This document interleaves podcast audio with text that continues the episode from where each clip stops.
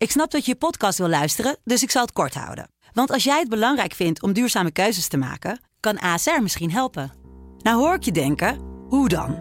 Nou, bijvoorbeeld bij het duurzaam herstellen van schade. Of de premies die we beleggen volgens ons duurzaam beleggingsbeleid. Dat bepaalt waar we wel en juist niet in investeren.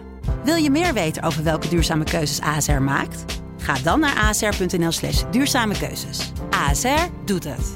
Zo, dan kan je nu lekker naar je podcast luisteren. Dit programma wordt mede mogelijk gemaakt door Ehm Krasloten.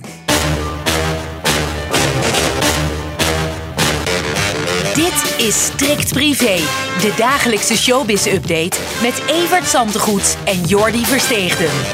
Had jij Leeuw Kleine eigenlijk uitgenodigd in je talkshow? Eh, ja, maar niet live, denk ik. Hmm. Ik denk dat je dan echt zo'n, eh, ja, niet, wie heeft nou wie uitgenodigd. En dat vind ik allemaal zo morsen met zendtijd. Ik vind het doodzonde. En dan mag je een volwassen publiek wat doorgaans naar Renze kijkt, niet mee lastigvallen. Ja. Op zich, denk ik. En ja, wat zou je hem een podium geven als hij toch niks vertelt? Ja, het, het was sowieso een beetje ongemakkelijk gisteravond bij Renze. ja, omdat- het was best kritisch, vond ik hoor. En Nou. dat doet Renze beter dan zijn. eh, Bo. maar eh, ja, maar wat schiet je ermee op? Eens kijken, wat schiet je hier nou mee op? Helemaal niks. Ja. Ik zou helemaal geen. Ik, was, ik had wat anders te doen op dat tijdstip. maar ik zou daar aan de dag hard werken eh, de dag niet meer willen afsluiten. Ja. Hij was net als in zijn docu wel heel eerlijk over ook zijn verslavingen. Dat hij zegt van ja, ik blijf in ieder geval wel drankjes drinken. Ik ben wel naar een afkeerkliniek geweest, maar ik ben bij stap 6 van de Alle 12. twaalf verstopt, maar dan weet je het toch al. Het is weer half werk. En Ja. ja het is, eh, het, het- het- ik vond het geen goede zet. Nee. En eh, dan moet je gewoon een, een ander programma kiezen wat niet live is. En als je, dat je kan weggooien als er een interview uitkomt eh, Ja. zoals er nu uitkwam. Toch nog even één opmerkelijk moment eruit pakken. Op een gegeven moment vraagt Renze aan Leeuw Kleine, aan Jorik van... wat staat er voor jou nou op nummer 1? Drank of je zoontje? Nou ja, dus ik, ik, ik kijk alleen de docu. Dan hoor ik jouw manager zeggen van ja, die, die, die drank dat gaat niet goed, Jorik. Het is Nee, te veel, oké. je bent heel dronken. Ja, oké. eh, nee, oké, maar eh, eh, mijn zoontje komt sowieso op één. Een rare vraag om te zeggen, wat, wat vind je belangrijker, drank of je zoontje? Ja. Nou ja, weet ik niet. eh, ik weet niet hoe jullie de zorg verdelen bijvoorbeeld. Maar het lijkt mij als dan je Nou. zoontje bij jou is dat je dan zegt... nou, dan drink ik geen druppel, bijvoorbeeld. Nou, bijvoorbeeld. Tja. Ja, dat bedoel ik. Maar ook als het gaat over eh, hoe, ga, hoe sta je er dan nu in? Nou, dan kijkt hij terug op een prachtige tijd waar hij met drank en drugs geweldige feesten heeft gehad. Ja, wat moet ik ermee? Ja, nou goed. En de eh, mensen die het echt interesseert, die moeten vooral naar die docu kijken. Want die schijnt veel beter te zijn dan, eh, dan je zou verwachten. Maar laten we eerlijk zijn, de fans van Leeuw Kleine willen helemaal niet dat hij sympathiek wordt en dat hij afkikt. Want hij is gewoon de bad guy voor de jongeren, toch? Dus wat dat betreft, kijk, voor zijn privéleven, voor zijn kind is het beter dat hij gewoon een normale vader wordt. Maar voor zijn fans, de Leeuw Kleine, ja, mensen willen gewoon iemand zien. Ja, jij kijkt maar aan. Zullen we ook door? Jij vindt het een rare opmerking? Nee, maar ik, ik vind die jongen zo oninteressant geworden. Ja, ja. En laten muziek maken waar mensen eh, van houden. Maar Ja. dit, iets wat krom is, recht lullen, dat gaat hem ook bij Renze niet lukken. En in een ander interview ook niet. Nou, ik krijg toch een pushbericht binnen. Jij wil door. Nou, eh, we kunnen door, want Gerard Ekdom en Wouter van der Goes. Ja, maar dat wist jij al eventjes. want dat was groot nieuws in Radioland. Ja. En eh, ja, ik denk dat de goede zet is van Veronica. Wil je Veronica overeind houden, Mhm. dan moet dat met, bekende stemgeluiden. Daar zijn ze groot mee geworden. En Ja. ja, ja die zijn er allemaal niet meer. De Lex Hardings en, en iedereen die zit er lekker op Bonaire, geloof ik, van hun, eh, van hun centen te genieten. Maar dat is wel de nieuwe generatie geworden. Met onder andere Gerard Ekdom. En als je een ochtendshow wilt eh, die succesvol is. Ik denk wel dat hij wat eh, luisteraars mee gaat nemen, ja. Absoluut. En Rob Stenders, van wie het gerucht ging dat hij van Veronica terug zou gaan naar de publieke omroep, blijft nu ook daar. Ja. Dus wat je gaat krijgen is dat Veronica misschien wel een, ja, een beetje het nieuwe Radio 2 gaat Het worden. idee dat hij nooit echt weet wat hij wil hoor. Dus dat kan over een half jaar ook weer anders zijn. Maar Ja. die ochtend die gaat wel staan met Ja. ja. Ekdom in de morgen. Of hoe het ook gaat heten. En eh, ja, nou ja, ik vond het uh, opzienbarend.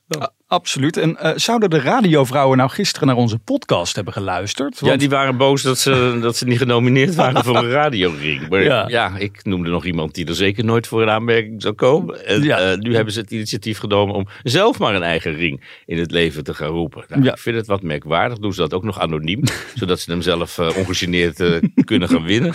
Ja. En, ja, je, je Luister, lijkt een beetje op de tros die destijds niet won met Medisch Centrum West, de televisiering. En toen ook maar de eigen televisieprijzen in het leven hadden geroepen.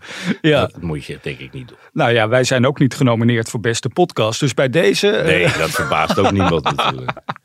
gisteren is er ook iets bijzonders uitgereikt op het eh, paleis, op een van de paleizen. Eh, Janine. Een hele hoge huisorde Ja. van de Oranjes voor Ja. Janine van de Ende. Ja. Nou, die kwam daar natuurlijk aan. eh, nog net niet per koets, maar wel met echtgenote Joop van de Ende. En een heel gezelschap vrienden die daar getuigen van mochten zijn. Eh, eh, André van Duin en, en zijn man Fernando. Simone Kleinsma zag ik op de foto staan. En dat werd nog heel erg gezellig. Je hebt André nog, waar ze echt zo lekker, die balletjes van de koningin. Maar het is...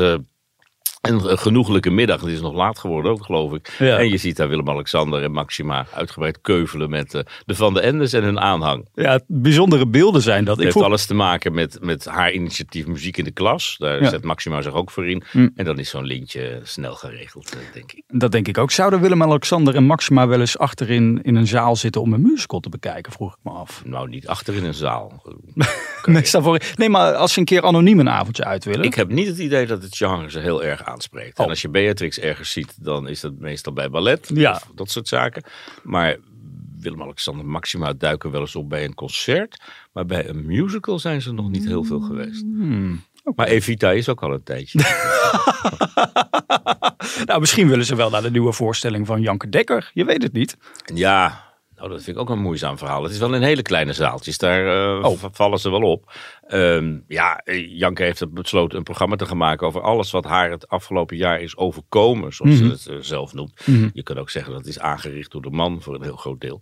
En eind van de maand verschijnt dan dat rapport van de publieke omroep naar de misdragingen van dan nogal wat mensen die daar op dat mediapark werkzaam zijn, onder wie Tom Egbers. Ja. Je zou kunnen zeggen van ja, daarna keert de rust waarschijnlijk weer. Maar dan gaat Janke net op tournee met Ja. het hele verhaal, met persoonlijke verhalen over wat zich allemaal heeft afgespeeld in Huis Egbers. Ja, maar wil je, wil je vrijwillig naar een avond vol ellende, vraag ik me af. Nou, ja. we hebben wat kaartverkoop eh, bekeken in, hier en daar. En, Ja. dus, er zijn nog wat kaarten. Dus, eh, Volgende week trouwens dat rapport, hè, heb ik nu definitief gehoord. 200 pagina's, dus eh, we gaan ons eh, maar alvast schrap zetten daarvoor. Ehm, tot slot nog even, Mick Harre, daar is ook leuk nieuws over. Daar is heel leuk Ja. nieuws over. Die heeft een cadeautje gekregen, zeg. De strijd over de erfenis van André Hazes, die gaat tussen twee partijen. En zoals bij twee honden die vechten om een been, gaat de derde ermee heen. Ja. Want eh, Mick Harre heeft van Joop Hazes, dat is ook een pikant verhaal. Joop Hazes is, zo klinkt het ook, Ja. de broer van André Hazes. Oh. En die is getrouwd met de ex-vrouw van André Hazes. Nou ja, ja.